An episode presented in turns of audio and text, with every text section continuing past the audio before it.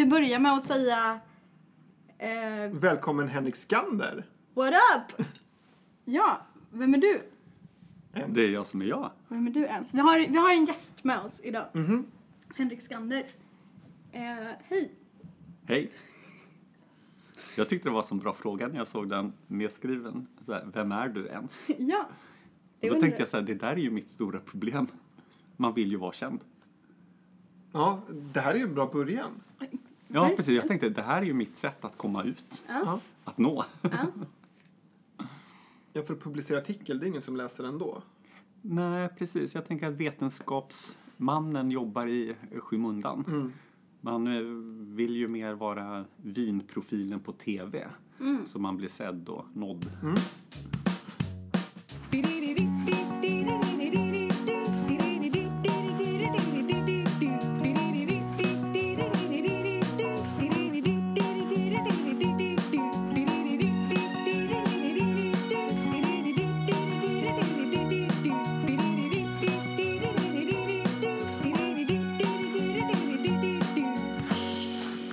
Måltidsarkitekterna. Innan vi börjar med den här inspelningen så har vi fått ganska mycket feedback och frågor. Framförallt på vilka vi är. Mm. Vi har inte ens sagt med namn vad vi heter egentligen. Nej, nej, Förutom att du har sagt mitt namn flera gånger och jag har inte sagt ditt namn. nej. Eh, så att vi tänkte, vi kör en liten sån snabba, det här är vi. Och det har vi, vi lämnar över det här ansvaret till våran gäst för, för dagens inspelning. Han får helt enkelt berätta vilka vi är. Ja, Henrik får berätta lite snabbt det som han, liksom, hans föreställning om oss kan Ja. vi säga. Strålande. Ja, var enkelt och easy. Känns det okej? Det känns ju väldigt, väldigt eh, roligt och spännande skulle jag säga. Eh, jag satt just och funderade på om jag visste vad ni hette i efternamn. Så där, när man, men jag tycker att det är för att vi är så du med varandra. Mm. Ja. Men eh, Kajsa heter Kajsa Hult Mm. och Joakim eh, Sundqvist. Stämmer. Det var bra va? Ja, ibland är det så svårt om det är Sundqvist Berg eller du vet, så Ja. Men Joakim Sundqvist tyckte jag nog eh, ringde bäst i huvudet. Man ser de här mejladresserna Det är inte så svårt för dig, för vi kallar ju alltid dig för Skander. Ja, precis. Ja, just det. Ja, det är sant faktiskt. Det, Ifall det har han själv skulle en- glömma sitt eh, Ja, ja, då vet efternamn. vi. Ja. Ja. Ja, det är lite roligt. Vi, ehm, det är en jättekonstig sak där, men det är, ofta så pratar man ju om alltså, män vid efternamn och kvinnor vid förnamn. Ja. Eh, Det är någon, för, eh, någon sån här eh, ojämställd eh, grej som vi håller på med. Vi pratar om att eh, alltså, Kajsa hoppar högt i höjd liksom. Mm. Och då är det inte du Kajsa utan Kajsa Bergqvist då. Mm. Men, eh, eh, och sen pratar vi om eh, Men pratar vi inte också om Charlotte Kalla som Kalla? Ja, men kanske lite. Ja. Men eh, mer generellt, alltså när man liksom Ja. tittar på det så blir det åt... Eh, Jag försöker ju också lansera K. Hult ganska Mm. hårt. ja, ja, men precis. Så att. K. Hult föredrar jag hellre att du säger. Ja, okej. Ja, men det är Mm, intressant. just ur den här liksom, genus. Ja, nej, men om vi ska säga någonting om eh, Kajsa och Joakim här. Och jag menar, jag har ju lärt känna er i eh, Umeå, eller som eh, Umeå eh, anställda höll jag på att säga. Men Joakim och jag, vi är ju liksom doktorander tillsammans. Mm. Eh, så vi, vi har ju lärt känna varandra på ett ganska jämlikt plan skulle jag säga. Alltså jag. att vi har haft samma position hela Ja. tiden du och jag. Under tiden som första gången som jag var här så tror jag att du var en av eh, de studenterna som jag hade Absolut. bland mina första eh, i Umeå eftersom jag är uppe i Umeå och föreläser någon gång per år typ. Och då var ju Kajsa min student. Mm. Eh, Eller en av dem som gick eh, utbildningen här uppe. Mm. Du lärde mig att sabrera. Ja, precis. Ja. Det har jag gjort Mm. många gånger efter Sen det. dess, just det. Men jag har lärt dig att skriva uppsats och det har du bara gjort en gång efter det. Två. Och du ser vad som har roligast ämne. Uppsats eller sabrera. Eh, jag tror att ni båda är ju alltså, människor som fascineras av alltså, teoretisk kunskap och att eh, dessutom vara lite provocerande och roliga. Och, eh, jag kan inte alls någonting om era fritidsintressen, vilket slår mig nu. Men, eh, Vi har inga. nej, Jag utan era fritidsintresse är Bourdieu. Ja, men mycket alltså. Så, Ja. Jag tror det, alltså, men det är väl så att eh, Men det är ju, ni, ni är ju för mig ganska, alltså, även om ni båda är ju väldigt unga i, alltså, i, i vetenskapen, Mm. precis, det är ju jag med. Eh, så jag tänker att vi är, vi är ganska närliggande liksom i, eh, ja, fast jag är ju så... Ni Ja, du är ju- mina förebilder. Hallå, Du är ju- hallå, skärp er. För fan, kan inte säga att du är ju jag nyast kan vi säga. är... Jag men det är ju inte som att vi har Mils... mil, Nej. precis. Ja, fast ni har ändå er Du är fyra livserfarenhet. år före, kanske jag är tre år före då. Ja, precis. 2008 började jag studera. Men jag tänker Nej, att började jag arbeta. man kan inte bara eh, mäta som- det här en, med ens tid i akademin utan livserfarenhet också. Du tänker att vi är gamla? Eh, Var det det ni jag äldre nu? Jag tror att det var exakt det hon just sa faktiskt. Ja, precis. Nej, så för mig så är ni... Eh, vad ska man säga? Alltså väldigt... Eh, Joakim, och jag, vi har, ju- eh, Joakim, du har ju alltid varit väldigt inspirerande för mig. Alltså, vi har alltid kunnat prata om eh, alltså kultur. Det har ju Mm. liksom varit så här väldigt, väldigt roligt. Och sen så var det ju så himla roligt för att när du Kajsa blev då eh, amanuens, som är din position nu på universitetet. Nu är jag faktiskt Nu är du adjunkt. adjunkt. Mm, jag har levlat. Ja, det är fan levlat. Det här, visst, ja, du ser, det kommer fram saker här. Mm. Eh, men du levlade ju då tack vare att skriva en magisteruppsats med då Bourdi- Bourdieu som teori. Ja, och delvis tack vare dig också, för att du var ju min opponent. För jag fick vara opponent, så det var ju väldigt, väldigt roligt. Ja. Så Bourdieu tror jag är den största gemensamma nämnaren för oss alla tre. Jag tror Att det också. Jag tycker det är tycker så att det är trevligt. en eh, otroligt eh, inspirerande teoretiker. Ja. Snyggt. Ja, då tycker jag man eh, Det borde väl folk... Nu kommer folk bara... fattar vilka vi är. Äntligen. Ja. Vet vi vilka vi är? Tack Henrik. Varsågoda. Tack så jättemycket.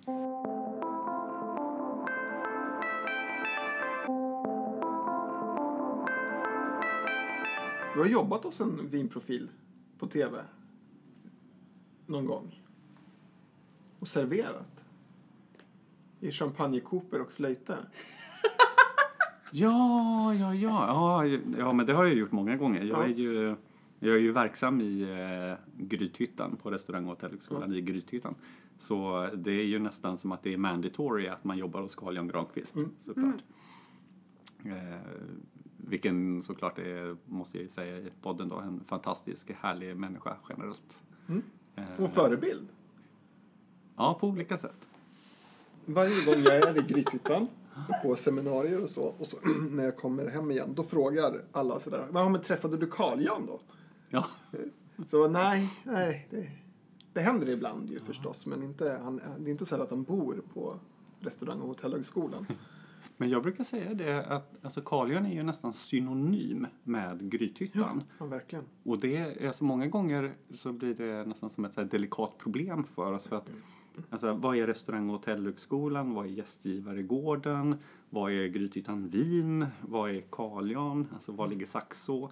Det finns ju massa olika saker som liksom blandas ihop till att att jobba på Grythyttan brukar vi säga lite grann ibland.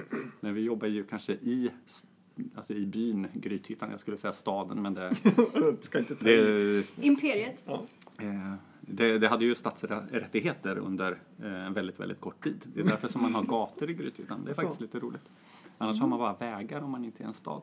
Det får man lära sig av Carl Jan när man börjar. Är det sant? Ja. Men nu är det ju det är ju Örebro universitet. Så Ja. Carl Jan universitet. Carl Men- Jans universitet kan vi skoja om.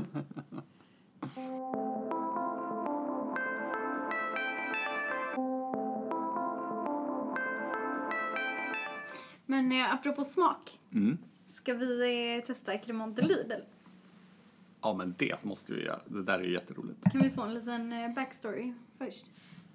Ja, Jocke, du har köpt det här eh, bubblet till mig ja, när du var i eh, Alsace var du ju faktiskt i. nej, eller? Jo, det var du.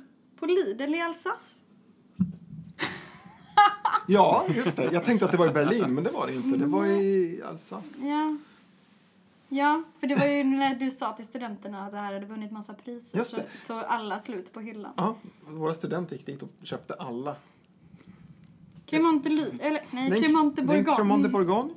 Bourgogne. Eh, Och eh, den har alltså vunnit typ som tvåa pris i någon sån här internationell vintävling.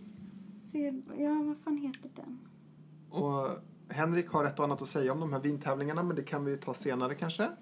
Eh, Den tävlade i alla fall samtidigt som eh, Veuve Clicquot 2008. Och 2008 är ju ett jättestort år. Så att I champagne. i champagne. Eh, nu har vi ingen, eh, ingen sabreringsgiljotin här. Nej, klarar vi oss ändå? Ja, alltså jag är ju ganska van vid att använda just sabreringsgiljotiner. Ja. Eh, som jag förstår att ni syftar på såklart. Det här är ju en del av min eh, stora vetenskapliga framgång skulle jag säga. Mitt Eh, första minne av dig är att du berättade om när du konstruerade din sabreringsgiljotin. Just det, just det, just det. Det var ju... Jag, skulle alltså det var... Det var ju min D-uppsats, eh, magisterexamen, som där vi då provade... Jag ville helt, helt enkelt... Jag skulle skriva en eh, magisteruppsats och eh, träffade då en professor i eh, naturteknik eh, som eh, tyckte att det här är ju jätteintressant. Eh, För jag sa någonting om att eh, glas spricker lättare när det, när det är kallt. Och därför är det viktigt att flaskan är kall. Och då sa han att Nej, men det här kan ju inte stämma. Jo då, sa jag. Det, jag vet ju att det är så här, för jag har sabrerat jättemånga flaskor. Och då sa han att ja, fast jag är professor i materialteknik. Jaha, okej. Ja, med inriktning på glas. Och då, då, då var det svårare att argumentera. Och någonstans där så tror jag att jag fann liksom den här stora inspirationen till att eh, jobba med vetenskap för att faktiskt där, men jag vill faktiskt veta hur det är. Alltså vad, vad, inne, alltså vad är sabrering? Alltså vad är fenomenet? Vad kan det bidra med? Vad händer för att liksom förstå sabrering? Så då gjorde vi så att vi höghastighetsfilmade mig när jag sabrerade. Eh, så man kunde se det så här jätte, jättelångsamt och så kunde vi mäta vinklar och hastigheter och grejer på slaget. Och så formade vi ut en, eh, ja, en maskin helt enkelt då, som kunde liksom slå av eh, champagneflaskorna eh, eh, så som jag sabrerade. Men att när vi gjorde maskinen då, eller den här sabreringsgiljotinen då som vi valde att kalla den, så kunde vi ju då eh, arbeta med att bara eh, förändra en variabel i taget. Så då kunde vi jobba med olika temperaturer på flaskor för att se vad som faktiskt hände. Så det var ju väldigt, väldigt spännande. Och sen för att följa upp de här mätningarna som vi gjorde så eh, gjorde vi också, eller jag gjorde, eh, intervjuer. Eh, fem stycken ganska långa intervjuer med ja, professionella i vinbranschen som jobbade med att sabrera på något sätt. Så lite höjdare i branschen som fick vara med kan man säga. Som jag fick prata med. Trevligt. Mm, det var väldigt, väldigt roligt. Då kunde man kombinera just det här med alltså en kvalitativ undersökning med en kvantitativ undersökning. Otroligt fascinerande. Hur, vad kom ni fram till gällande temperaturerna sen då? Eh, det beror lite grann på målet med sabrering kan man väl säga då. Alltså vad är en bra sabrering? Ja, jag tänkte mer på fråga. din, din opponering emot den här professorns eh, materialkunskaper gällande Jo. glas. Eh, vi, vi kom fram till att eh, vi sa alltså substansen i en myt är väldigt viktig. Eh, och så byggde vi liksom idén kring att eh, ibland om det finns en myt om någonting, att det någonting är på ett speciellt sätt, så kanske man förklarar myten fel. Alltså att du utgår ifrån lite felaktig fakta. Eh, men resultatet är ändå sant. Eh, och det var väl lite grann så att det, det, är, jätte, det är viktigt att flaskan är kall. För det kyler innehållet. Alltså det är innehållet som är kallt. Och då binds ju kolsyran så att det inte sprutar lika mycket. Varpå att du får mindre förlust av, kol, äh, av, eh, av vin eh, för att det sprutar mindre ur flaskan. Alltså det är lättare att slå av korken och att inte tappa någon, något vin alls. Du har högre löslighet av kolsyra i kallt vatten. Ja, men precis. Ja, förstår. Ehm, Men det kanske blir ett fulare snitt? nej, och det blir dessutom ett finare snitt Okej. eh, i våra mätningar. Nu, mm, vi hade väl ungefär 100 flaskor så att vi ska väl inte överdriva.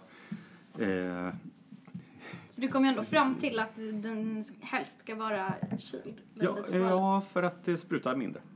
Ja. Skulle säga. Så om man vill att det ska spruta, ha en varmare flaska. Vi- Skakar den lite innan också? Om man inte ska spruta mycket? Ja, precis. Det, det, det, det testar ju inte vi så direkt. Eh, Men vi gjorde ganska många roliga försök, och det sprutade väldigt mycket. Var kommer den här, eh, apropå spruta champagne, var kommer det ifrån? Vet du det? Det, ja, vi tittade lite grann på det där eh, och försökte hitta någon typ av ursprung och den var det väl så att det där var ju min magisteruppsats och det kanske inte var den mest djuplodande researchen eh, någonsin. Men jag tyckte nog att Alltså för det första så hittade jag ju ingen vetenskap kring den historien alls. Alltså, jag kunde inte bekräfta någon historia. Utan alla är Förutom det här med att de har sina sablar i... Ja, fast det vart ju aldrig vetenskapligt på något sätt Nej, bekräftat. Utan det där är ju i, som i vinböcker, vinböcker där folk skriver om så här, ja men jag har varit i Champagne och då, så, så här är det. Napoleon red in med hästarna och på sina ryggar så sliter de upp svärden och man bara säger, "Ha, var kommer den kunskapen ifrån? Ja, det, så är det. För det sa de i Champagne. Eh, det och sen så finns det någon annan historia om att det kan vara kosacker och sånt där och heter det, eh, traditioner av att slänga och krossa glas och sånt. Så det fanns en par olika stories som brukar dyka upp när man tittar på olika litteratur. Eh, så på det sättet försökte jag väl alltså, rama in olika alternativ som är vanligt förekommande som förklaringar. Mm. Men eh, vilken av dem som är sann, det ska vi väl låta vara osagt kanske. Men jag gillar alltså Napoleon-grejen är ju skönast tycker jag. Den vill man behålla. Det är ju en härlig historia. Sen är det ju svårt att kanske dricka ur, jag vet inte, man ska ju inte dricka ur flaskan om man har sabrerat. Det blir sådana fula jack i munnen då. Mm, det är tråkigt. Ska vi prova? Nu har ni redan Ah, provat. vad trevligt. Jag har suttit Ah, där och väntat för jag är en fin person. Skål. Skål. Eller Skål. det säger man kanske inte. Jo, det tycker jag. Säger, säger man det vid vinprovning? Alltså, Alltså det måste jag säga, jag tycker det här är fantastiskt. Alltså en gång, alltså för några år sedan, eh, då var jag väldigt inriktad på att jag skulle tävla i sommeleri. Jag tävlade i sommeleri också. Eh, inga stora, vad heter det, vinster och sådär men Mm. eh, någonstans sen efter, eh, alltså när jag började min utbildning så hade jag en, en av våra lärare som, eh, som var så här, ja men det där var ju en superduktig, vad heter det, den personen kunde ju vin väldigt bra en gång i tiden. Men nu var den personen då forskare och lite grann så här, nej men det här med vin kan jag inte så mycket om längre. Och då tänkte jag så här, så där ska jag aldrig bli. För vin ska jag alltid kunna liksom allt om. Jag ska vara bäst på vin. Och nu efter, nu har jag hållit på att doktorera i fyra år och då blir man blir lite utanför det här att man förr satt bara och läste om vin, satt och läste liksom, och pluggade vin liksom, för man tyckte, tyckte att det var så skoj. Mm. Men nu har man inte riktigt tid med det. Nej.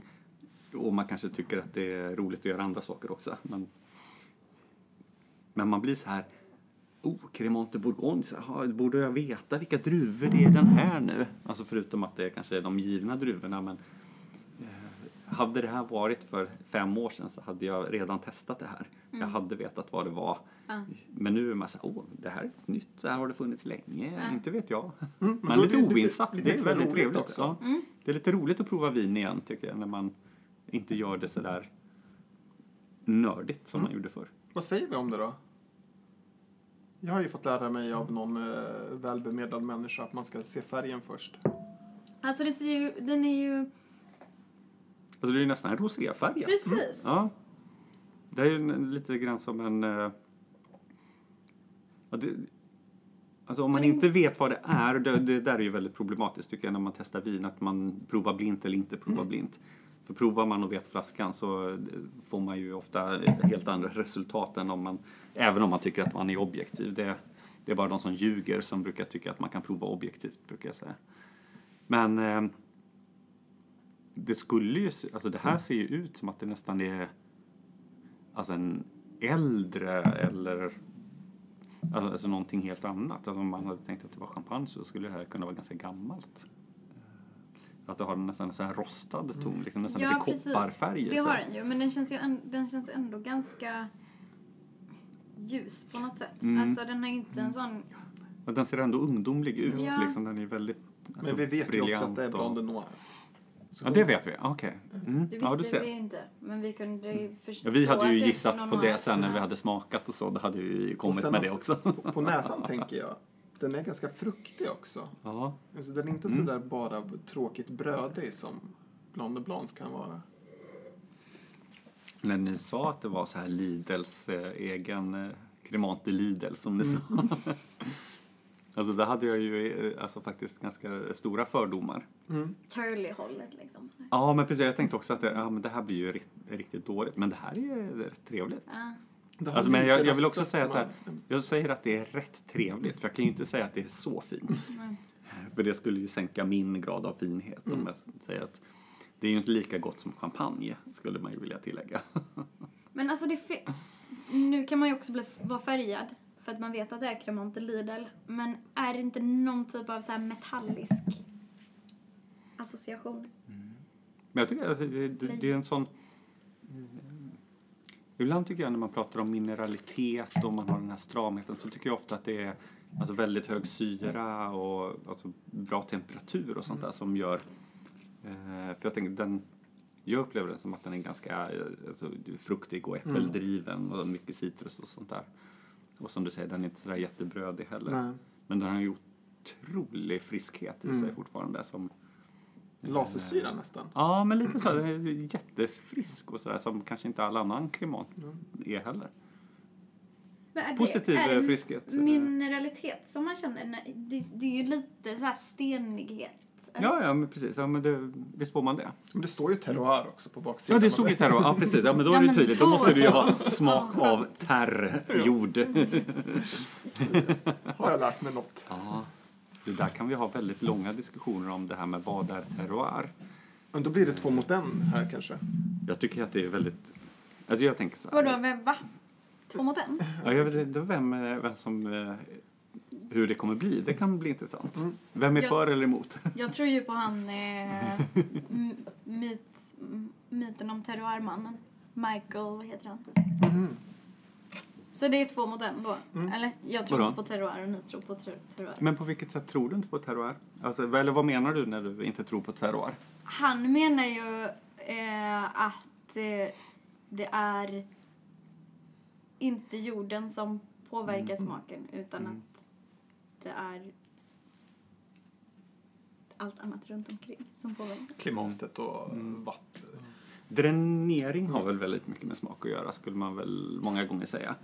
Och det har ju med jordens sammansättning att göra, tänker jag. Och, och Problemet, så på det sättet så blir ju terroir alltså smakdrivande. fast det blir ju inte smaken av jorden. Alltså det är ju Nej, det som, nej, får, som man lägger att åh, den tar upp så Men mycket problemet är mineraler ju i sina rötter. Kanske då definitionen av terroir snarare. För att i terroir så ligger väl också Precis. liksom hantverket, Mm. eh, allt annat Det är det omkring. jag tänker är lite så här dumt många gånger för att man hamnar i den här att Alltså det finns ju det här uttrycket, alltså gode terroir, alltså smak av terroir, alltså smak av jorden. Och många gånger så är det ju en, alltså om man inte kan franska, sluta översätt. Eh, för att det betyder ju inte att det ska smaka jord. Nej. Eller det betyder inte alltid heller att det ska ha smak av jorden. Däremot att, alltså för det, och nu kanske jag är ute och seglar lite, men alltså det man menar det är ju att ursprunget är viktigt. Men vad man lägger i ursprunget är ju kanske Ja, men precis. Eh, eh, För jag menar att vi vet väl att det blir skillnad på om vi har någonting i Bourgogne och vi har något i Bordeaux. De Mm. kommer smaka olika, det är Mm. olika platser. Mm. Och då kan man ju säga, ja men är det jorden eller inte jorden? Ja men det, jorden spelar ju också roll. Mm. Och man kan ju inte flytta jord härifrån till dit, tänker jag. Så det blir så här. Men i Alsace är detta extra tydligt, kan jag känna. Alltså, de är ju väldigt stolta över sin terroir. Ja, just det. Ja. Eh, och man pratar väldigt mycket om deras, är det sju jordmåner? 7000, tänker jag. Det är- Alltså i 7000 Förr, kombinationer. förr hade jag kunnat säga hur många det var, Ja, jag men jag kan inte det idag. Det där är min Du som irritation. ändå har varit i Alsace de sen, två gånger de senaste tre åren. Ja. Jag, kanske och jag har ha- inte varit där på tre år. Nej, så du, Ja, eh, men där är man ganska tydlig med, eller där Vi lyfter pratar man väldigt mycket om vad det är för olika sten och smaken jord. av jorden. Ja. Nu var det här växt på Mm. vulkan så känner ni rökigheten i Men pratar man? Ja, de pratar ju så. De är ju fransmän. Ja. Jag tror att det var, har varit genomgående. Fast alltså vulkanjorden känner man ju tydligt i vin. Men, Om man tänker på Mm. sicilianska viner i alla fall. Viner från Etna. Smakar ju verkligen. ja, men för då tänker jag att, alltså som, eh, jag har två, eh, två saker på den. Dels så är det, alltså den lätta, det är så här, Coonawarra Cabernet Sauvignon i Australien. Eh, eukalyptussmak. Mm. Men det finns ju massa jävla eukalyptusträd, typ. Och då säger man ju att luftburna eh, smaker kan ju sätta sig. Och det blir ju också en form av terroir då. Ja. Eh, det skulle kunna vara alltså bidragande till att det blir så mycket eh, mintsmak eller vad man säger då. Men sen tänker jag också att alltså när jag har varit på större provningar, alltså när man så här Deutsche Weinburze och sånt här liksom som är, ja du, du testar alla så här, tyska viner samtidigt och så bara så här, det är så mycket Riesling så att du, ja du har så ont i munnen efteråt va? Det, Nej, nej, nu lugnar du ner och så då testar vi mycket, då testar vi, alltså vi testar i dagar va. Mm. Men, och då, då, då skulle jag alltså, väldigt lätt kunna säga att du kan inte, du kan där då identifiera, ja ah, men det här är eh, sand, det här är röd, eh, eh, vad heter det, eh, skiffer och det här är liksom granitjord och alltså det blir så här, bara på en doft så har du bara så här, om det här doftar liksom dammig eh, sandjord liksom. För att du får den här typen av metaforer på något sätt liksom kopplad till. För att du testar och testar och testar och så bara så här, ja men nu känner jag ett mönster. ja. Tycker jag. Eller så man- är det inbildning. Det, Man tänker att det är jorden man känner smaken av men Ja, det kanske precis. är liksom som du snackade om. Så att man, men då kan man nästan gå runt där och bara okej, jag bara tar en random Riesling och bara, ja men det här måste vara sand. Och bara, ja men det stämmer. Okej, ja men då har jag lärt mig att identifiera vad är sand Mm. i, alltså vad gör, ger sanden som smakkaraktär Jag fattar. Det är ju som att man har hittat andra ord för, eller ord för ett, för att placera någonting i ett fack Ja. snarare än att det faktiskt är Ja. sanden Ja, i precis. jorden Ja. du känner.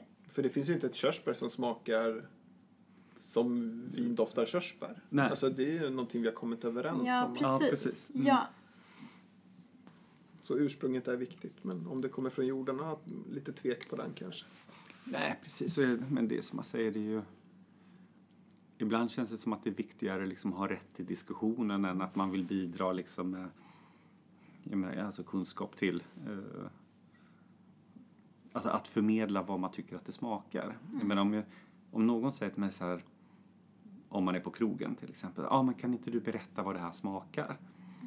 Eh, då handlar det ju mer om att de vill att jag ska säga någonting som låter väldigt fint. precis. Eh, för det ger mig liksom Fan, bra fina värden liksom. Eh, under tiden som jag, jag har aldrig provat eh, vin på det sättet. Och det kanske är för att jag är kass på att prova vin eller något sånt där, det vet jag inte. Men jag tycker inte att jag är så jag blir aldrig imponerad av folk som kan säga att, det så här, att det här doftar sju olika saker.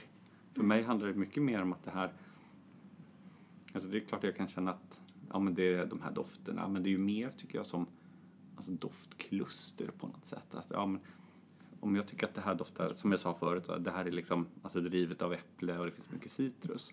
Och jag tycker inte att det är så mycket mineralitet kanske, eller den här eh, vad heter det, autolytisk karaktär och sådär. Det är ju mer så här generella termer. Mm. Av.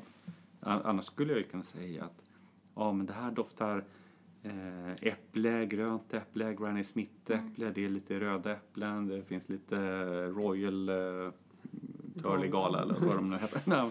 Uns av hallon Alltså det är så här, ja, jag måste säga många saker för det blir bättre. Det, men det är ju två olika provnings... eh, Ja, precis. kanske. För, för det där får vi ju, får man Som- ju lära sig. Ja. Om man pluggar vin Mm. så får man ju ofta lära sig det här klassiska smakhjulet med Ja. liksom de olika färgerna på äpplena och Ja, mognadsgraderna på päron och Ja, sådär. precis. Och jag ja. förstod aldrig det där alltså. När jag, första kursen vi läste, det var ju vinprovning tio Ja, veckor. och men det doftar väl inte äpple? Nej, eh, typ Så var, det ja, var ja, min, precis. utan jag Mm. försökte hitta Mm. någonting i mitt eget minne och Ja, sätta det. begrepp. Mm. Då, så att det där, jag var aldrig duktig på det där med... Nej. Vissa blir ju väldigt tydliga, alltså vissa cabernet är ju väldigt mycket svarta. Alltså det luktar ju på Ja. riktigt svarta vinbär. Speciellt om man smakar på druvan tycker jag. Så här, om man, du tar en nästan mogen druva, så typ när det är någon vecka innan skörd. Då är det som att äta svartvinbär Mhm. liksom. Det är ju jättefascinerande. Om man Just äter det, cabernet. cabernet. Ja. Och tar du en syrah så smakar det till så här mer björnbär. Mm. Och, Mm. Men, men cabernet är ju så tydligt för den smakar som svartvinbär. Mm. Den är ju jätterolig. Och speciellt när de är druvtypiska, Ja. eh, bara stålade och sådär. Så att Mm. de är... Men- Men annars så tycker jag att det är ganska svårt att hitta Mm. de här eh, liksom, orden som man ska använda sig av. Men det är intressant att du tar upp prova vin och så sommelieri, tycker jag. Mm. Ja, Vad, vad gör en sommelier egentligen? Ja, det, är, ja det är nästan, nästan som man skulle kunna tänka sig att det var en ledande fråga sådär. Men skulle du, är du utbildad sommelier? Eh, ja, det är en svår fråga också. Alltså, jag har ju alltså, olika utbildningar. Eh, när jag, jag, jag, jag studerade ju i Grythyttan, läste det som hette på den tiden restaurang och måltidskunskap, eh, RMK, med bakgrund som servitör, brukade vi säga på den tiden. Numera så kallar vi ju den utbildningen, och vi har gjort lite förändringar, men nu heter ju den sommelier och måltidskreatör. Så om man läser dagens utbildning då har man ju läst sommelier och måltidskreatör. Det har ju inte jag gjort. Jag läste ju restaurang och måltidskunskap hette ju våran. Och det är ju... Men det leder ju till att man... Vad ska man säga? Man läser ju en jäkla massa vin och sånt där. Men jag vet, jag frågade en, en kompis innan. Så jag bara, ah, men är du sommelier? För du har ju läst i Grythyttan.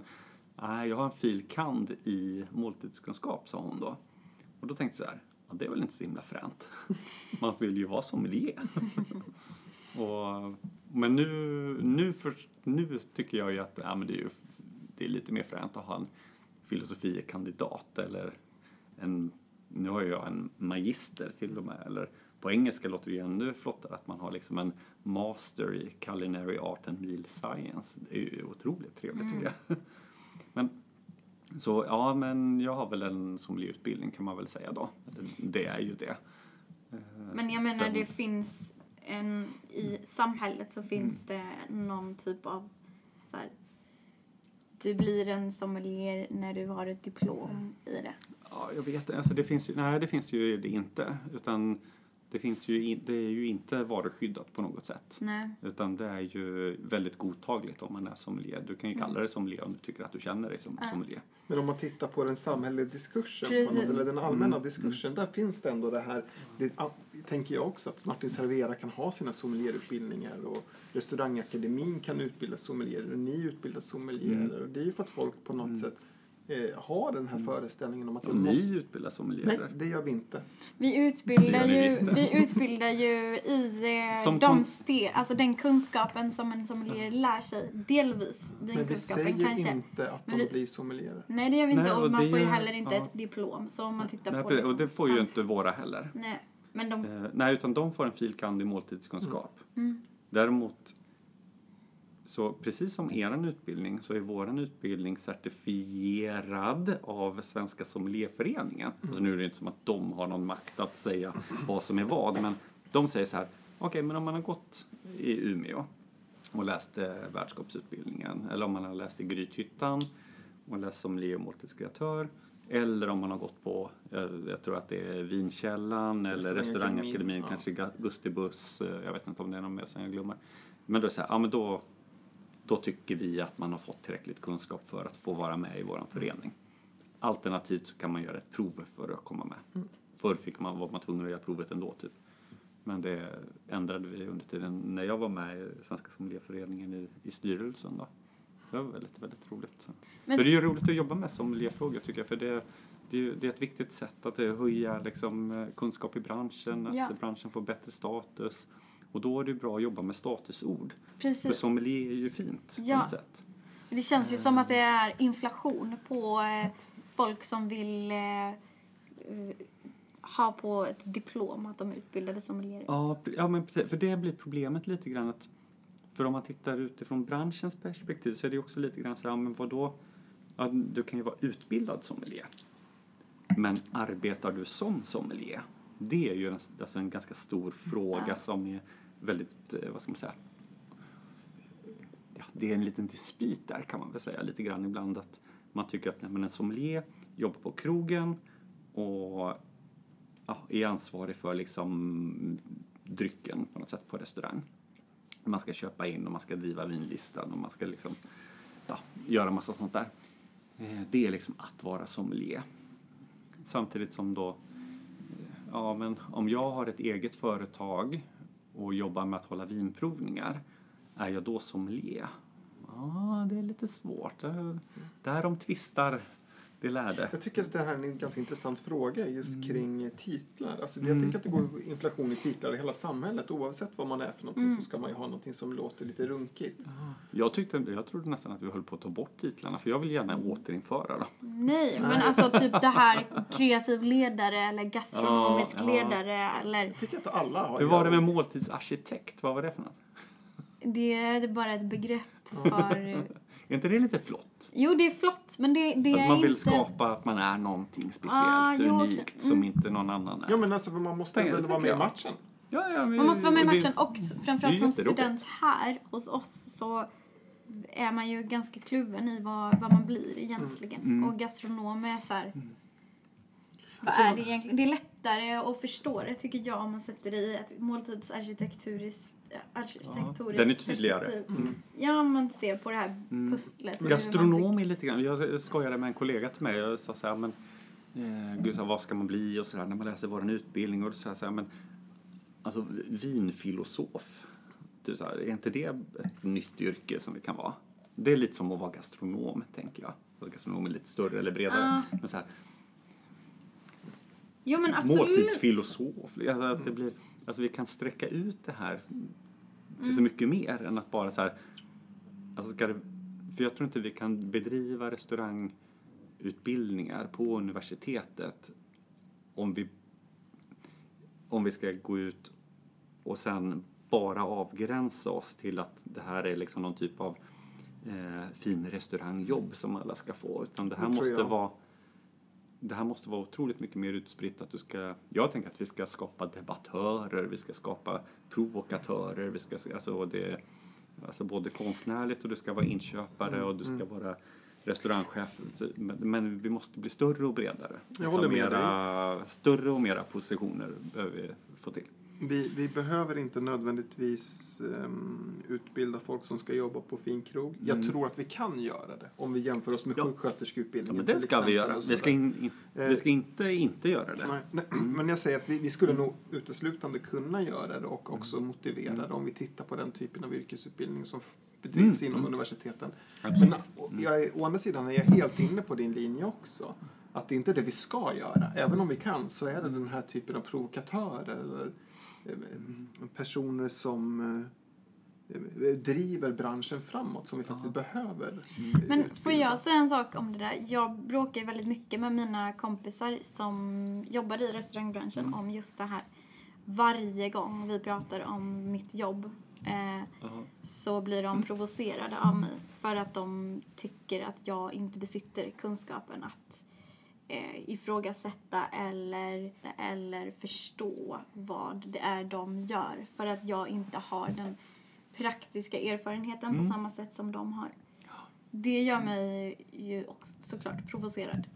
Eh, Vi pratade ju lite grann om det här med fält tidigare då. Och det är ju lite grann så här att du har ju alltid instinkten att hålla folk ute från ditt fält. Du ska ju aldrig släppa in något i ditt fält. För det är ju en konkurrent. Kon, ja, precis. Konkurrensen ökar ju liksom. Så det, vi vill, måste ju... Man vill positionera sig på sitt fält Ja, genom pre- att... För jag menar, jag får ju en position också genom att hålla dig ute. Ja. Eh, Så det är ju viktigt. Tills, alltså, men sen när du är i fältet så är det ju eh, då vill jag ju hålla kvar dig för då vill jag inte släppa ut dig från fältet. Så det är liksom både och. Eh, Du vill inte släppa in men du vill inte heller släppa ut. För vi vill ju inte att du ska lämna för då kanske vårt fält försämras. Mm, Eller hur? mm. Så det är ju Jag tycker att det, ja, det är lite roligt det där. Men, det, Men det är också det här vilken, men jag trodde att du fick vara med i Men mitt just- fält. vilken typ av kapital som till, ja.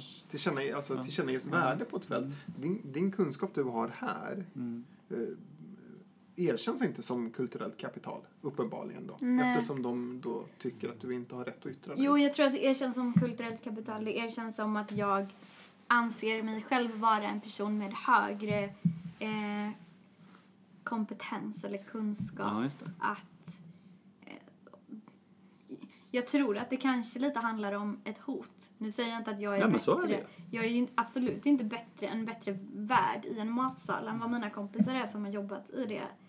Alltid. Men du är ju alltid ett hot Men jag är ett hot. mot positionen. Och Ja, därav motståndet ja, såklart. det var det du sa i och för sig. Tänkte, för, för det, men det tycker jag är roligt, alltså när, att du uttrycker att du alltså hålls ute från ett fält som du känner att du har, skulle egentligen ha tillgång till. Men vi har ju också den här inneboende motståndet mot förändring. Alltså, Mm. När vi väl har etablerat någon form av, om vi ska kalla det majoritetskultur eller vad vi nu vill ge det för namn, så, så vill vi inte att det ska förändras. Och förändringar här sker ju jättelångsamt. Så när du kommer med dina revolutionära tankar i det här så... Och att vi ska jobba jämlikt eller att vi ska liksom inte skrika på varandra. Eller, Och i Sverige idag, här är ju problemet. ologiskt så, men det har ju blivit någon slags jävla mänsklig rättighet att gå på restaurang.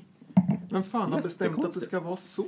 Nej, jag, det, det tycker jag är provocerande. och man Att man- känner sig lite... Man ska hålla ner en hel yrkeskår för att folk ska ha råd att gå på krogen. Ja, men ät falukorv då för Hemma. helvete. Ja men alltså vad är grejen? ja.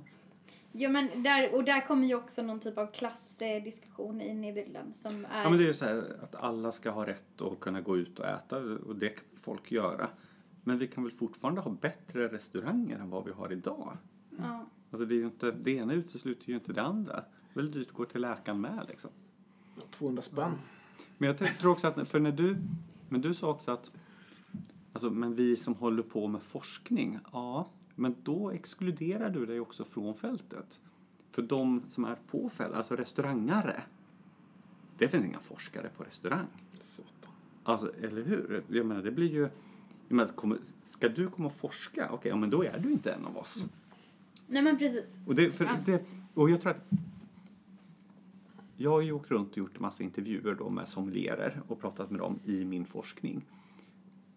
Och jag har ju jag är otroligt tacksam för att jag har jobbat som sommelier innan. Jag har varit verksam i sommelierföreningen och jag har ju massa vänner i, i det där och jobbat lång tid på restaurang då. Så jag har ju den så här eh, att jag är insläppt Men det är nästan att de så här, ja ja men ni som håller på med forskning. Och det, jag känner hur motståndet börjar komma så här. Men du är väl inte, är du fortfarande en av oss? Eller är du liksom men eftersom man inte vill släppa ut någon ur fältet Mm. så får jag vara kvar på fältet och det är tacksamt.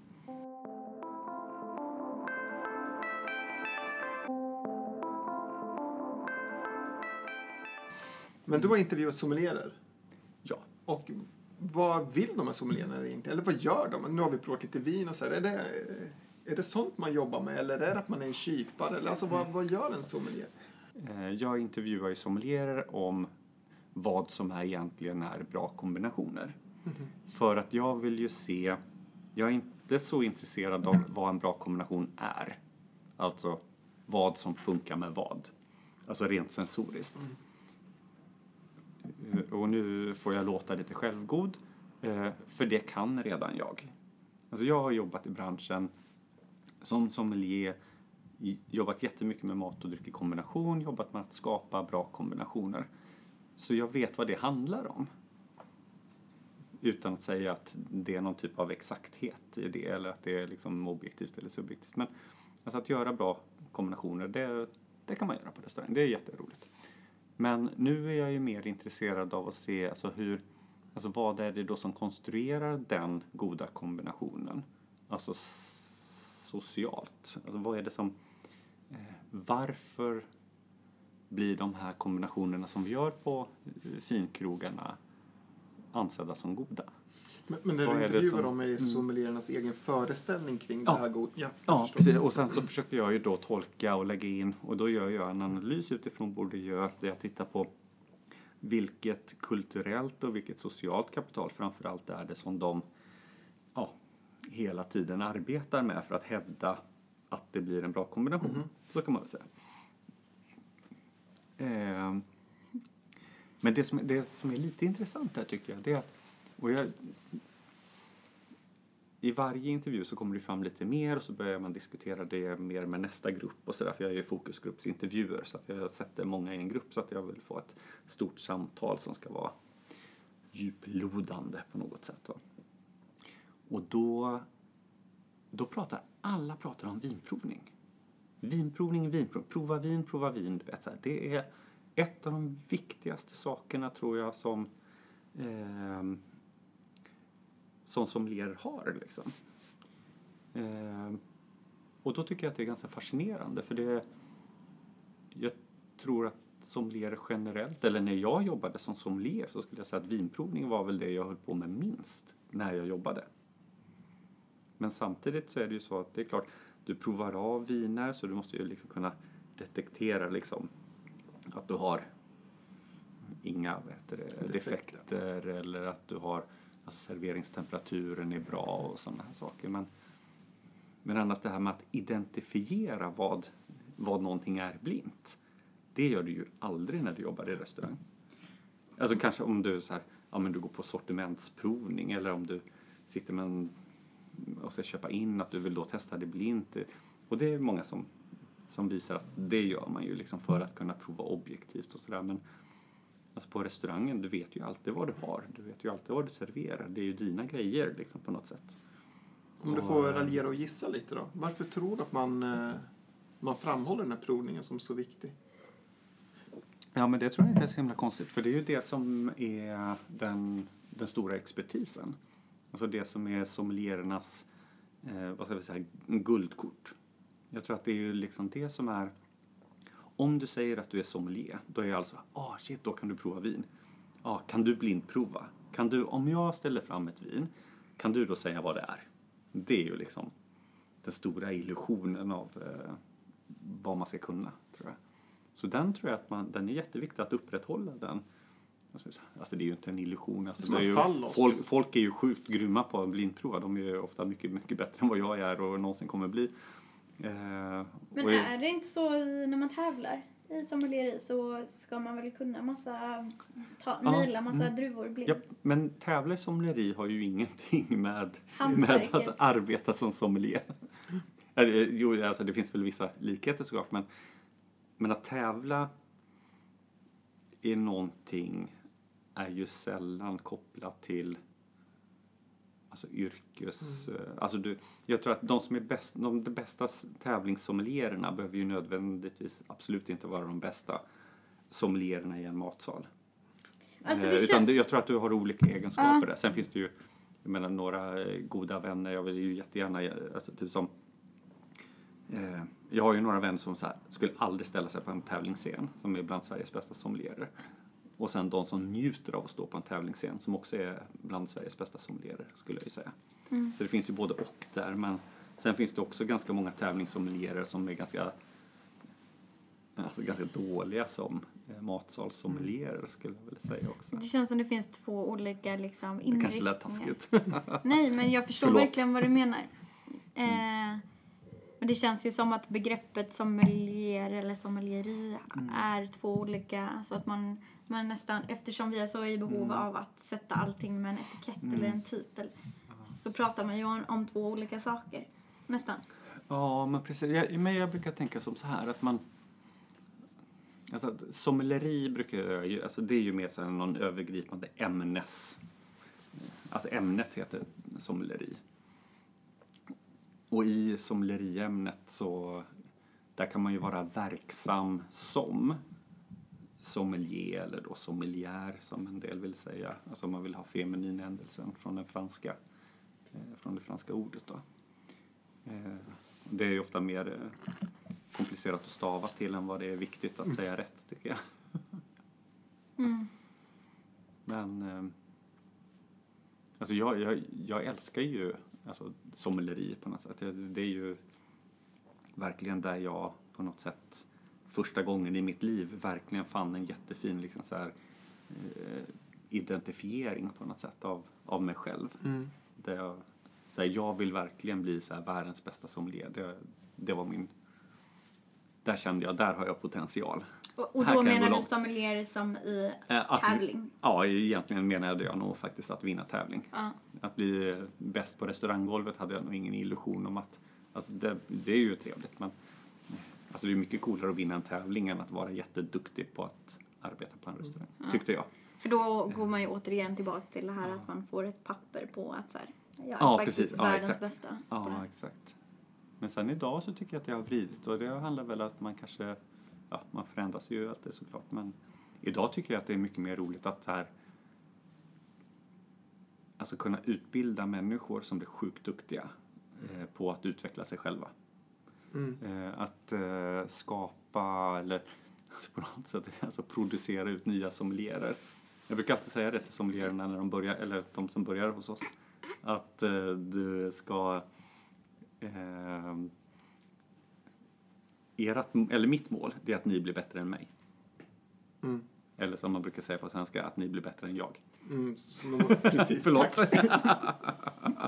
Är det korrekt? Skönt, när man får eh, korrektur på sig själv. jag har också blivit eh, mycket eh, mer intresserad av att stava rätt nu när man ska doktorera. Men hur stavar man det sommelier? Det är ju fan svårt alltså. S-O-M-M-E-L-I-E-R. Min uppgift är ju att eh, visa vad heter det, vägen för våra studenter. Ja. Alltså att hjälpa dem att bli duktiga, kreativa, analytiska, kritiska varelser i vårt ämne. Och min förhoppning är att de blir sjukt mycket bättre, eller inte sjukt mycket bättre, men alltså lite bättre kanske än vad jag är. ja, såklart. Det är ju rimligt För det också är ju eftersom- roligt. Och, Ja, men, alltså, och typ det är som- din uppgift som lärare att liksom, du kan Ja. inte gå in med inställningen om att Och nu har vi ju haft eh, förra, eh, förra VM så vann ju faktiskt en Grythyttestudent eh, VM i sommeleri. Och eh, nu i nästa år är väl VM va? Då kommer ju också en Grythyttestudent, en av mina första studenter faktiskt, att tävla. Och det är en av de vassaste sommeliererna skulle jag säga i, det är fan mäktigt. Alltså, Det är ändå coolt. Och då tycker jag så här-. Och jag säger ju alltid det till honom, jag har ju lärt dig allt du kan. Men det är ju, och det är ju väldigt fel såklart. Jo, men, du har ju inspirerat honom jag till väldigt har, mycket. Precis, jag kanske ändå har lärt honom att han ska lära sig Mm. eh, hur han kan lära sig mer. Men det Kanske, eller så tycker han att jag var kasslärare, jag vet inte. Nu är vi goda vänner förhoppningsvis. Jag gillar ju han, men han, det är ju för att han är så bra. Det där är en ganska rolig grej. Alltså jag kan känna sådär när man, är, när man undervisar och är Mm. bland studenter och sådär att det där är ju bland den bästa betalningen man kan få för sitt jobb på Mm. något sätt och se hur man har kanske hjälpt folk att utvecklas. Ja. Alltså jag tycker det är tycker det är sjukt jättefint. inspirerande. Ja, alltså. jag kan verkligen tycka att det är... Men det, det är också... Det är ganska svårt i början tycker jag. För jag tyckte att när jag... Alltså, som början när man var... Alltså började jobba som lärare. Eh, jag har jobbat som lärare sedan 2008 på restaurang och hotellhögskolan i Grythyttan. Stort då. år i champagne. Ja, mycket trevligt. Och, och då vill man ju gärna vara så här, visa att man är bäst. Att, att läraren ska ju Jaha. vara den som står på pedestalen. Vem kan flest kryer? Vem är det som kan det här ämnet bäst? Eh, men sen blir det ju alltid så här, alltså när blir... Alltså när ska mästaren bli slagen av sin lärling på något sätt? Det, det kommer ju alltid den... Någon gång måste ju den tiden komma och jag tror att man Ibland är man väldigt orolig för det. Mm. Eh, Men idag kan jag mycket mer njuta av att se det ske. Mm. När folk bara så här märker att aha, nu är jag ju bättre än Henrik här. Mm. Var inte han typ så här mästare? Och de kan nästan bli lite besvikna för att de är bättre än mig. Eh, Mm. vilket ja, kanske inte alltid är så svårt beroende på. Det, det det där var en insikt jag fick ganska tidigt alltså. Ehm, att eh, man kan aldrig eh, gå in med den här... Eh, så, så i början när jag föreläste eh, så var min tanke precis det här. Alltså Mm. jag måste kunna mest för att annars det är min roll Ja. kunna mest i det här rummet. Ja, precis. Hur skulle Eh, det annars se ut? Jag är liksom? Ja. anställd för att jag ska kunna mest i det här Ja, rummet. du ska ha mest faktakunskap av alla, typ. Ja, Mm. jag ska bäst på allt i det här. Ja. Men, alltså, men på något sätt så är det den känslan man går in i och det var ju jävligt jobbigt i början. Ja. Men det var sådär med en insikt jag kom fram till ganska snabbt att alltså, det är helt omöjligt. Alltså sitter det 25 studenter, det är klart att det finns folk där som kan mer än jag om saker som rör det området vi pratar om. Det är helt omöjligt att jag ska... Och det, alltså, när man är ödmjuk inför det, då blir det ganska mycket skönare att vara i den där situationen också. För att det jag pratar om, eh, eller föreläser om, det, det bör jag ju på något sätt ändå vara den Ja. som vet mest om. Och det, det tror jag att jag oftast är. Men, men allting går ju att på något sätt expandera nästan in absurdum. Och där finns det ju såklart folk som kanske kan mer. Eller så, eh, och inte ens det. Det kan också vara sånt som jag känner att jag inte kan. Och det var också nervöst i början. Att, men om någon frågar det här och jag inte kan svara, hur hanterar jag det? Ja. Nu är det bara, ja men jag googlar väl då. Alltså, Jag jobbar ju med, eh, hade ju en fantastisk kollega, Pontus, som jag jobbade med och då brukar vi alltid sitta, vi hade kontoren så här som tripp, trapp, trull bredvid varandra. Det var jag och Kristoffer och Pontus, typ, vi satt alltid så här tripp, trapp, trull liksom. Och, och så fort man inte visste någonting så frågade man så här, du Pontus, hur är det med det här? Han bara, vill du att jag ska googla åt dig? och jag tycker det är så bra svar. Liksom så här, ja, jag kan slå upp det åt dig så här, för att så slipper du göra det Ja, så, ja, så slipper du. Men jag tror att många gånger, och jag tror att vi hittar de frågorna många gånger hos våra studenter också, att de säger så här, ja men eh, är det så här eller så här, är det här rätt eller fel? Eh, Jaha, men vad är det för procent i den här liksom, eller vilken andel eller något sånt där liksom. Man bara säger, ja men vi kan, vi kan slå upp det tillsammans Mm. nu. För många gånger så här, ja men det vet ju inte jag, alltså, det är ju helt ointressant för mig. Tills att jag får frågan och då känner jag att jag är dålig. Men då kan man ju liksom så här, ja men slå upp det så kan vi berätta det för hela klassen då liksom, så kan vi prata om det fenomenet, om det är eh, vad vi kan lära oss av det. Det känns ju väldigt inspirerande att sitta och höra er prata om det här eftersom jag är en väldigt ny lärare då och lider ständigt av Ja, och vi ska ju vara så Komplex. himla duktiga då. Ja. vi måste vara bäst. Men alltså jag, jag, Nej, utan snarare hur jag själv känner att Mm. så här, ja men vad skönt, det kanske bara handlar om att jag ska backa tillbaks lite och inte gå in med inställningen om att jag ska kunna allting mycket bättre, vilket jag kanske inte gör heller. Men, Nej, alltså grejen är väl så på något sätt att man ska...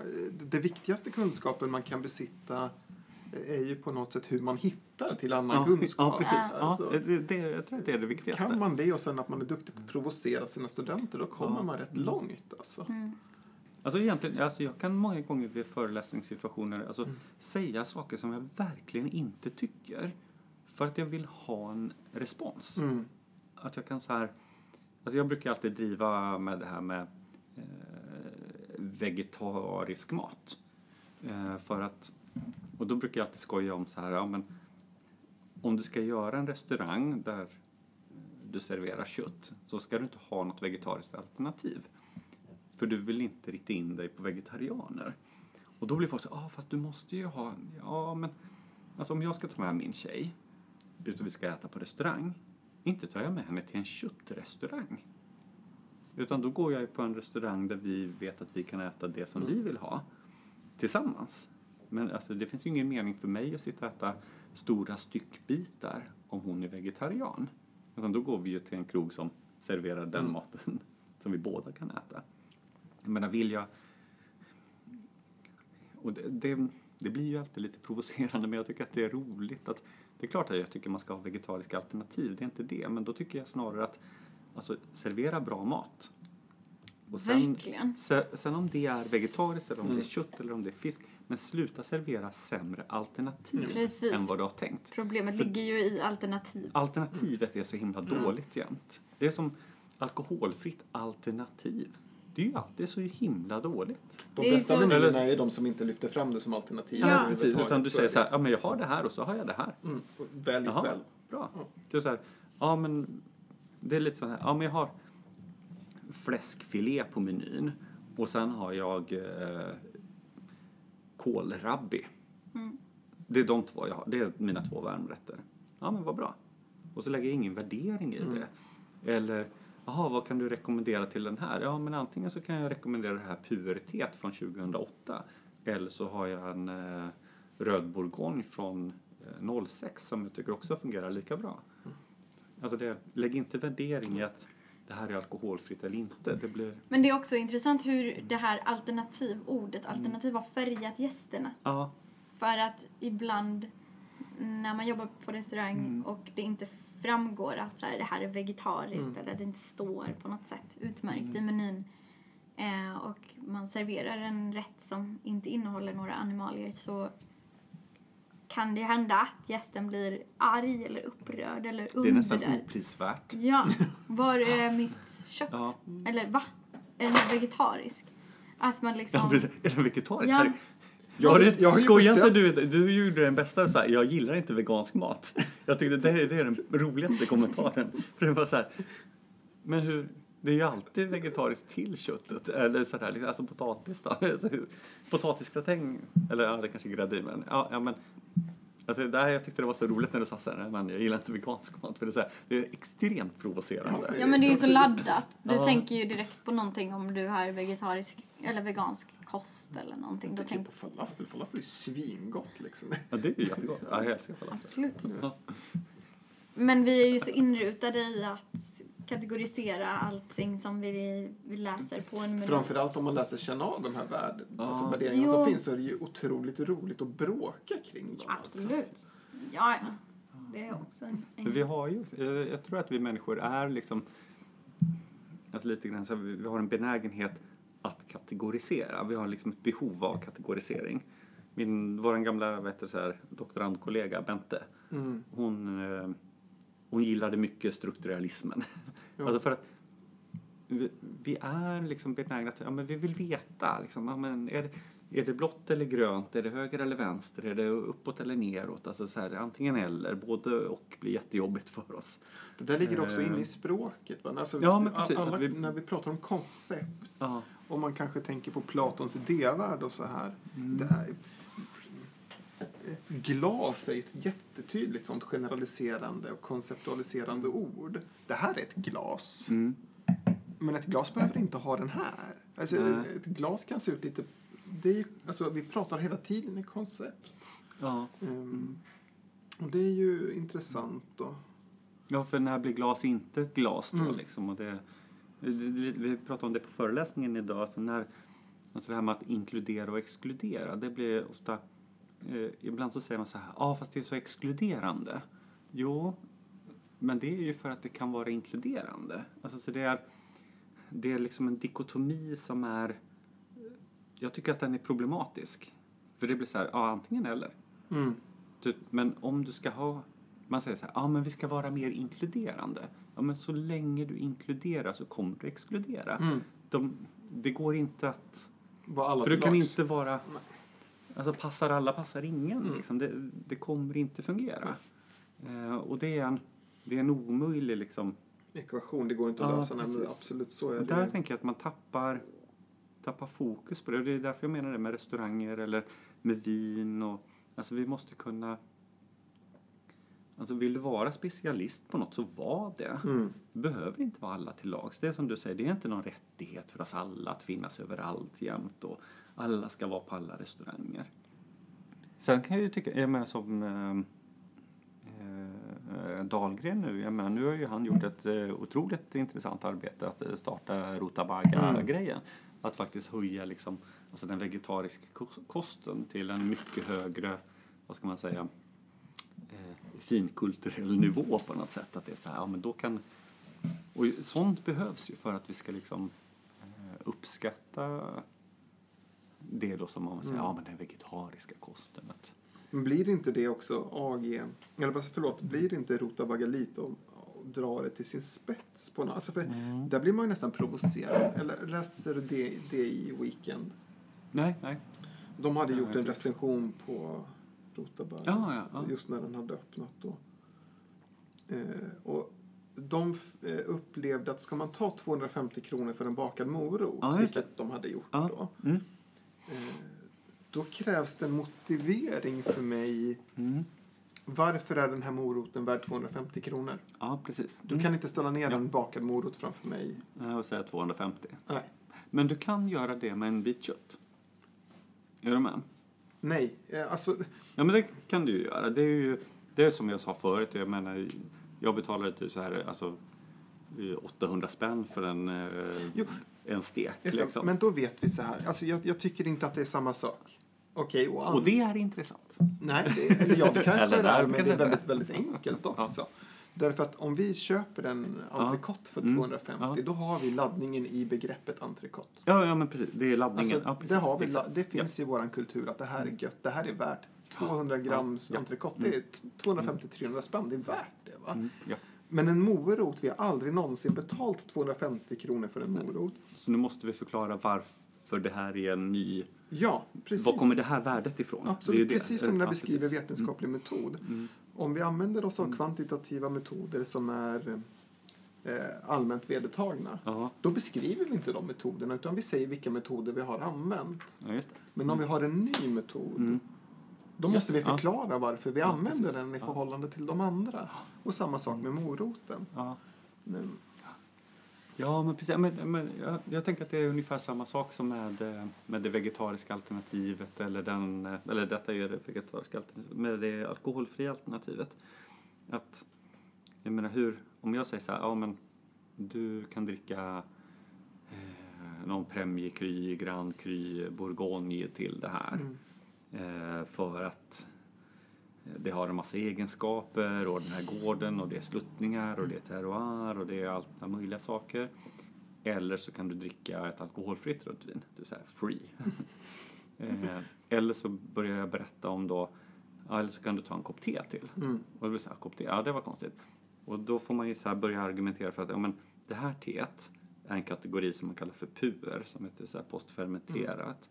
Och det får vid sin mognad då, eller vid lagringen så kommer det liksom ske utveckling av smaker de här Mm. kommer också bli Alltså på samma sätt som ett vin lagras. Liksom, att Men hela får berättelsen är ju enormt och, viktig. och du kan lägga in vilken typ av liksom eh, vilken typ av te det är liksom, eller vilken eh, årgång det är Mm. och hur det skördades, vad det handplockades, alla de här sakerna. Och då lägger du ju på värdet Mm. liksom. Och det måste du göra med moroten med, tänker jag. Ja, och, och, alltså berättelsen eh, ger ju på något sätt då, eller i alla fall Mm. skapar förutsättningar för värde. Ja, Eh, det, och det är väl där i problemet ligger lite grann kanske, att vinerna som säljs som eh, Ja. Premier Cru etc. De eh, eh, det vet vi återigen vad det är, men om man då får alternativet äppelmust så är det kanske inte lika sexigt. Men ja, absolut, värdet. Men det där är också sp- spännande med om man kollar på den sociala konstruktionen eller, eller vad det nu kan, kan kallas. Så entrecôten i fråga Mm. versus moroten. Um, entrecôten är laddad med så mycket mer än vad en morot är. För att den är... Eller vi vet ju att vi vet ju att en dyrare råvara till exempel. Och- Den kommer från en levande varelse, bara det borde ju på något sätt betinga en högre kostnad kanske. Ja, ja men kanske. Ja.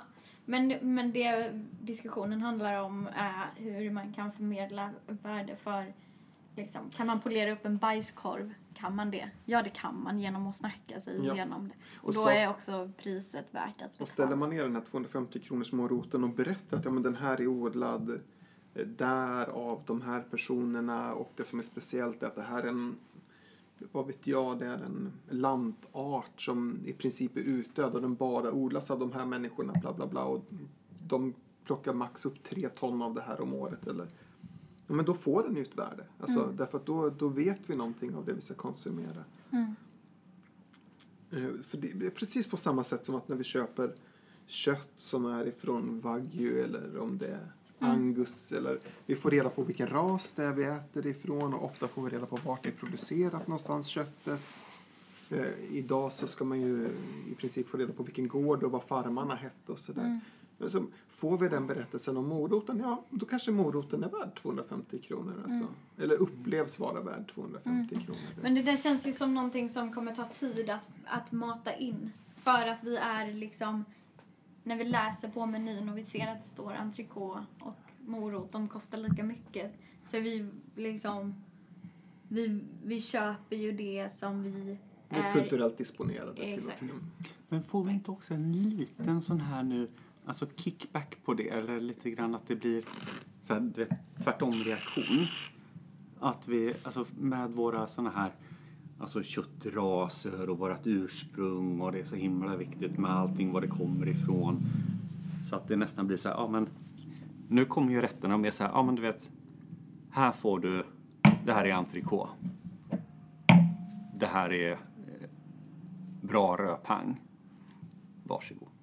Att det nästan blir så här. Jo. Och att jag tänker så här, det är nästan det bästa hade varit att bara leverera in den här moroten och bara, det, det här är morot. Och så Testa var den. det ju innan det vart det här väldigt mikrolokala när man skulle Mm. berätta allting. Då var det ju väldigt enkla menyer. Då var det liksom, det stod tre råvaror på menyn Ja, och så Ja, var det precis. punkt Ja. liksom.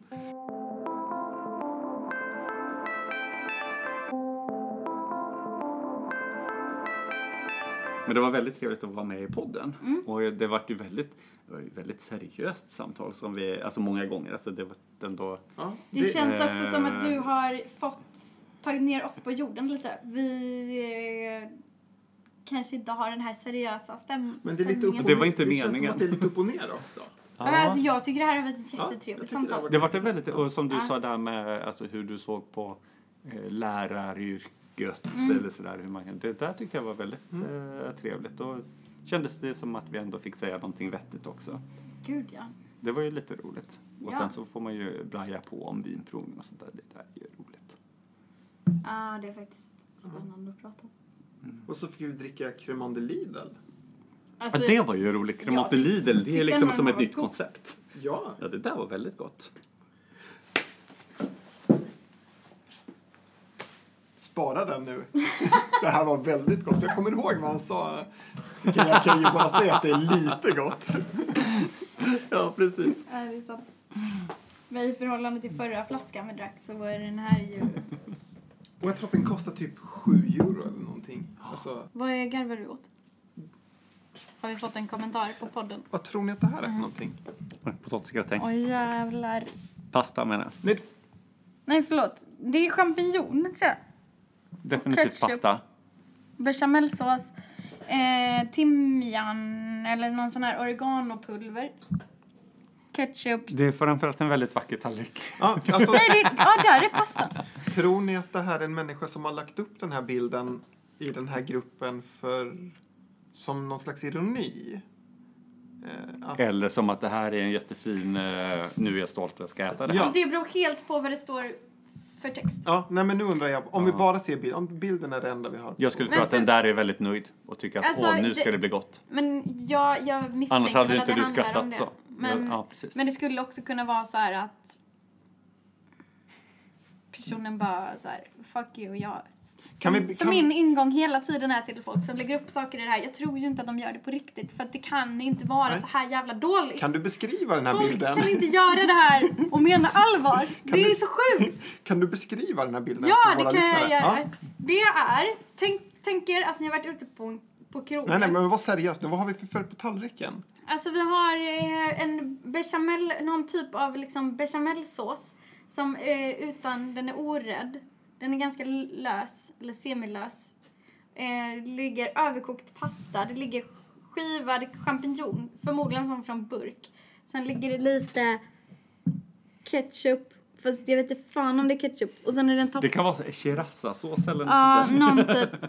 Nej men det är här nog tomatpuré säkert för att folk är dumma i huvudet. Och sen är det toppat med ehm, Typ oregano. oregano Okej, så detta är alltså en pasta med någon slags krämig sås, eh, champinjoner, sriracha och oregano? Ja men Ja, alltså typ den är så. dränkt i Ja, just sås. det. Ja.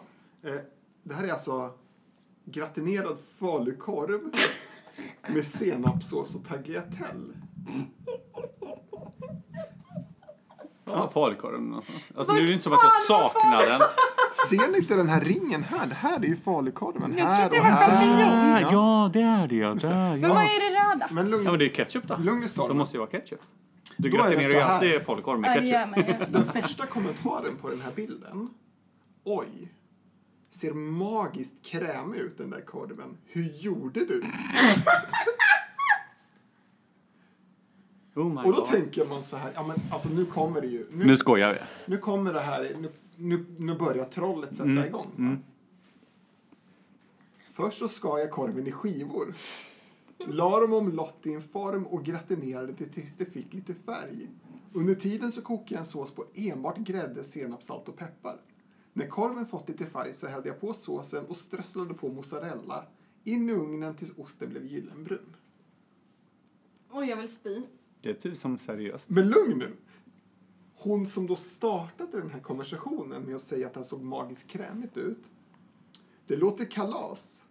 Det blir säkert lite godare än normal ugnsfalukorv som jag tycker är lite trist när det känns lite ostekt ned till. Tack! Hon kan fortfarande driva med det här, tänker jag. Ja, Hon kan fortfarande måste driva. driva. Alltså det är Mm. helt orimligt. Jag förstår inte någonting. Kommentar nummer två. Vackert. Tumme upp. Eh, sånt tecken. Mm. Klappa händerna. Kommentar, kommentar nummer tre. Det, fa- det fanns bara två. Ja, men den lägger du Det är nu. då man vill lägga in typ såhär, nu skojar ni va? Ja, driv. Driver med mig? Det här ser ju mer. svinäckligt ut. Troll or no troll. Nej, alltså trolla. Trolling. Jag ska se. Tror ni att man kan lägga in en bild på Shrek? Nej. Vad tror ni om den här kommentaren? Och du drar den med? Vadå, vad, vad skrev Vänta, du? kolla ska du se vad som kommer.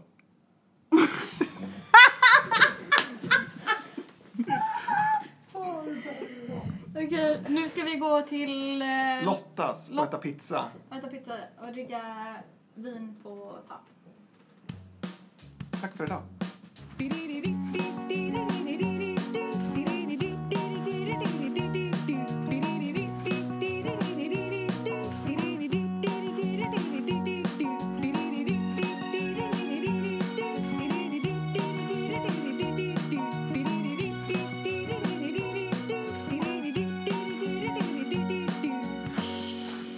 samtidsarkitekterna.